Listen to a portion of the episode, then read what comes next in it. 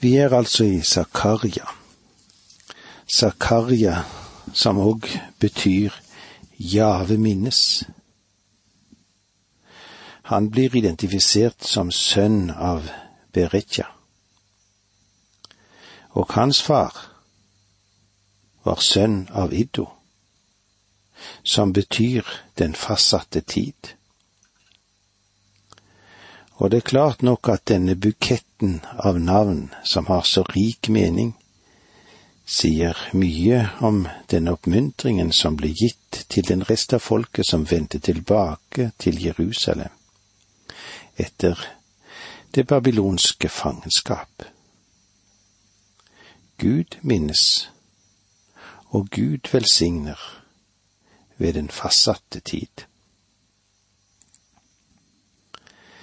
Selv om navnet Zakaria var vanlig blant hebreerne. Jeg vet ikke om du er klar over det, men altså det er 28 forskjellige Zakariaer som blir nevnt i Det gamle testamentet. Men eh, det er òg bibellærere som identifiserer denne bokens Zakaria med den som Herren selv nevnte, som det står om i Matteus 23, 35, som led martyrdøden. Og slik skal straffen komme over dere for alt uskyldig blod, som er utøst på jorden, helt fra drapet på den rettferdige Abel, og like til drapet på Zakaria, sønn av Barkia, som dere slo i hjel mellom tempelet og alteret. Sannelig, jeg sier dere, alt dette skal ramme denne slekt. Ja, slik var det Jesus sa det. Mange fortolkere avviser denne muligheten. Men eh, det er interessant å legge merke til at den jødiske Targum sier at Zakaria blir drept i helligdommen, og at han var både profet og prest. I Nehemia 12,4 blir Ido nevnt som en av overhodene for prestefamilien. Og historikeren Josefus, han beskriver mordet på Zakaria, sønn av Barok, det vil si Beritja, som den som ble forøvet udåd mot i tempelet av selotene rett før Jerusalem ble ødelagt. En annen interessant observasjon er at Zakarias profeti praktisk talt avslutter Det gamle testamentet. Det er jo den nest siste boken i Det gamle testamentet. Og eh, Det nye testamentet åpner kronologisk med Lukas sin beskrivelse av en annen Zakaria. Og Zakaria, det betyr Jave minnes. Og så har vi kona hans, da, Elisabeth. Det betyr ed. Zakaria var en prest som tjente ved røkofferalteret da en engel åpenbarte seg for ham med et budskap fra Gud. Ja, hvor lenge etter? 400 års taushet. Så skjedde det igjen at det Gud mintes med sin ed. Elisabeth, hans ed.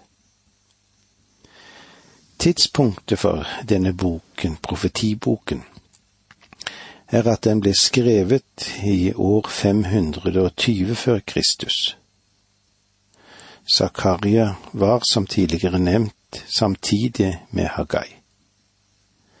Selv om han antagelig var en yngre mann, som vi òg ser i Zakaria 2, 2,4.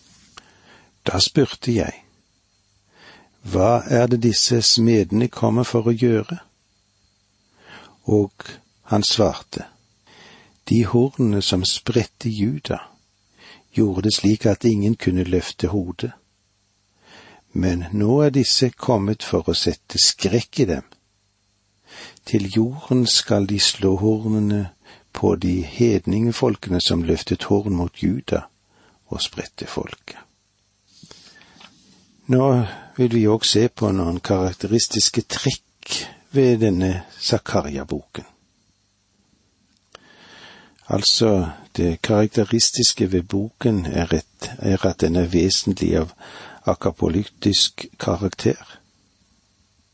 Det vil si at åpenbaringen som angår de siste tider i verdenshistorien, de står sentralt. Synene som vi kommer inn på her, de kan minne oss om det vi finner igjen i Danielsboken. Ja, vi finner det òg hos Esekiel. Og ikke minst slik som vi òg vil se det når vi kommer til Johannes' åpenbaring. Daniel og Esekiel, de ble født i Israel. Men eh, bøkene ble skrevet utenfor landet. Zakaria, han var født utenfor landet ved Babylons kanaler men han skrev i landet. Det interessante er at Daniel, Esekiel og Johannes alle sammen befant seg utenfor landet Israel da de skrev. Bare Zakaria var i landet da han skrev ned sine synder. Under en tid, eller en mørk tid, hvor det fantes mye mismot og motgang, ja, det lammet den rest som var vendt tilbake, og så så henimot herligheten i bortrykkelsen. Her var det visjoner av håp. Han har flere Messias-profetier enn noen av de andre småprofetene. Og det er dette som gjør dette til en viktig og interessant bok for oss. Og eh, Zakaria, han er eh, kontrast til Haggai. Zakaria han var jo samtidig med Haggai. Men boken hans, den står i en viss kontrast til det som vi ser og har gått gjennom i Haggais bok, profetboken som han ga oss. Det synes helt klart at de kjente hverandre, og det er klart at de profeterte til det samme folket på samme tid og likevel så er deres profetier så forskjellige som noe kan være. Bokstavelig talt så står budskapet som de hadde århundrer fra hverandre, for ikke si årtusener fra hverandre. Selv om det blir gitt til det samme folk og til samme tid. Haggai han befant seg ved tempelets grunnmur og målte den. Han hadde budskap som vesentlig angikk den aktuelle tidsepoke. Men Zakaria, han befant seg på en helt annen bølgelengde. Alle som har ti syner i løpet av en natt, vil måtte representere noe for seg selv. Zakaria er helt og fullt visjonær, der Haggai er helt og fullt praktisk. Og likevel så talte de begge for Gud til det samme folk, og på samme tid angående de samme problemene. Og begge to taler også til oss i dag, men da på hver sin særegne måte. Og vi trenger å erkjenne at begge disse to mennesketypene, de trenges i dag. De hører sammen. Vi trenger det praktiske, pragmatiske mennesket sammen med det visjonærende mennesket, for det er både styrke og svakhet i begge. Altfor ofte er drømmene ikke praktiske. På den annen side kan det også være slik at det praktiske mennesket savner visjon. Så når du fører disse to sammen, da får du en lykkelig kombinasjon. Og med disse ordene må vi si takk for nå, må Gud være med deg. Dette undervisningsprogrammet består av to deler. Åge Nevland fortsetter nå med andre del av dagens undervisning. Vi er i profeten Zakaria, Og eh, Zakaria han var samtidig med Hagai. Og eh, de var interessert i det samme, de. De oppmuntret jøden til å fortsette gjennombygningen av det forsømte tempelet. Profetiene daterer seg til noen få år senere enn Haggais, men til forskjell for Haggais direkte og enkle språk, så bruker Zakaria mange bilder og symboler for å understreke det budskapet han gjerne vil formidle. Spesielt ønsker han å oppmuntre og hjelpe folket, og folkets ledere. I det vi nå skal gå inn i det første kapitlet, så vil vi se på et syn om tilgivelse og gjenopprettelse. Eller for å ta inndelingen slik som vi kommer til å gå gjennom dette i eh, de kapitlene som vi skal berøre oss i. I eh, de første seks kapitlene, da vil vi se på de syner som angår Messias og riket, det apokalyptiske. Introduksjon, det er et advarende budskap. Det andre som vi vil se på, er ti syner. Alle de ti synene i løpet av en natt. I kapitlene syv og åtte der kommer vi til å stoppe opp for det historiske mellomspillet. Spørsmålet og angående et religiøst ritual, altså det som har med fasten å gjøre. Og så har vi da et trefoldig svar. Og vi vil se litt på de profetiske byrder som det står om i kapitlene 9 til 14. Første byrde profetiske sider angående Kristi første komme, som vi vil se i kapitlene ni til elleve. Og den andre burde da, de profetiske syner knyttet til Kristi andre komme, som vi vil se i kapittel tolv til fjorten.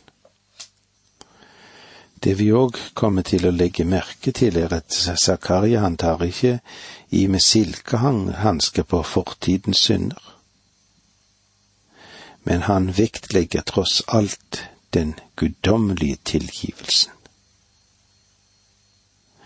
Hans eneste frykt er at Gud skulle kalle forgjeves på de, at folket skulle være like gjenstridige som deres forfedre var. Vi skal òg legge merke til den gjentatte bruken av Guds tittel. Herren, herskarenes Gud. Dette nevnes fem ganger i de første versene som vi vil se på. Fiendeherrene, de var kolossale, men den beskyttende hæren, den eh, var enda større. Et glimt av disse hærskarene får vi se i det neste synet. Vi vil se inn i en grønn dal fylt med myrter, og det er symbolet på ydmykhet, der eh, profeten kan ha hatt lyst til å meditere. Der dukker det opp noen mystiske skikkelser som har streifet om på jorden og sett at alt er stille og rolig. Dette var nemlig under Kyros sin regjeringstid, og så skal vi legge merke til at han henviser òg til en himmelsk venn. Men som vi sa litt tidligere, så kan vi jo kalle dette for de apokalyptiske syner. De første seks kapitlene, de vil dreie seg om Messias og om riket. I denne hoveddelen møter vi de ti synene. Og Zakaria, han fikk alle disse synene i løpet av en enkelt natt. Det får en kalle for en god natts arbeid, er det ikke det? Introduksjon og et godt advarende budskap. Det første verset er en introduksjon av Zakaria-boken, og vi leser sammen. I den åttende måned i det andre regjeringsåret til Deirios kom Herrens ord til profeten Zakaria, sønn av Berisha, som var sønn av Iddo, og det lød så. I det andre regjeringsåret til Deirios, det setter profetboken inn i en ramme bestemt av regjeringsepoken til den hedenske konge fordi dette er i den perioden da en rest av Israel vende tilbake til sitt land etter 70 års fangenskap i Babylon. Der er ingen konge å hake seg fast i når det gjelder de historiske hendelser til verken i Israel eller i Juda. Davidslinjen er ikke lenger på tronen. Hedningenes tid, den er under utvikling.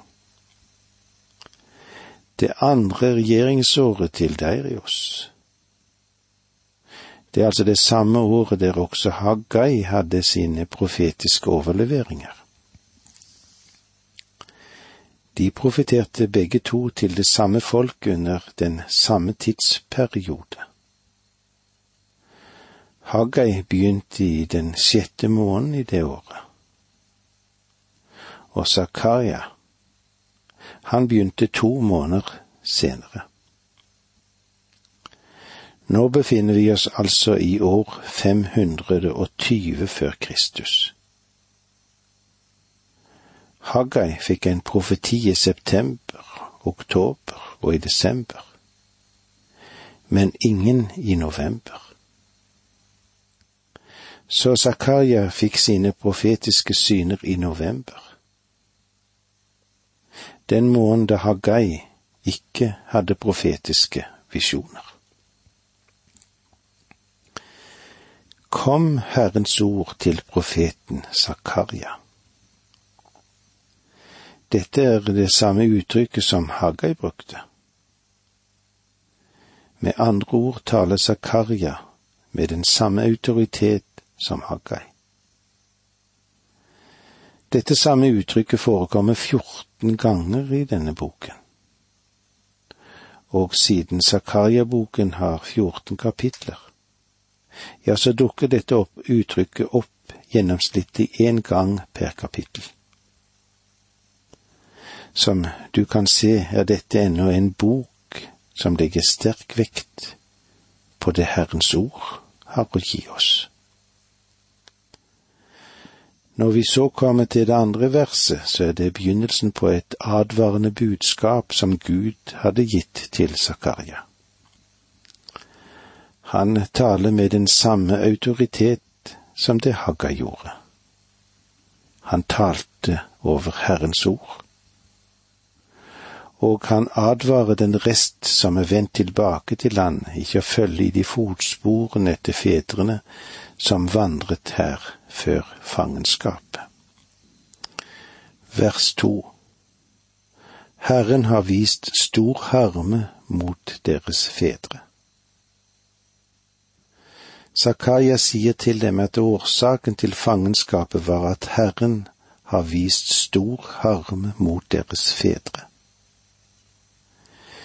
De hadde syndet mot Gud, og han advarer dem mot å begå den samme dumhet de samme mistak som deres fedre hadde gjort. Vers tre Du skal tale til folket. Så sier Herren allers Gud. Vend om til meg, lyder ordet fra Herren allers Gud. Så vil jeg vende om til dere, sier Herren allers Gud. Så sier Herren allers Gud denne tittelen for Gud er nesten blitt en klisjé for oss. Faktisk er det slik at mange av de navn Gud får er nesten meningsløse for oss. Selv om vi bruker de en hel del. Hva betyr egentlig dette, Herren allers Gud? Ja, hva betyr det for deg?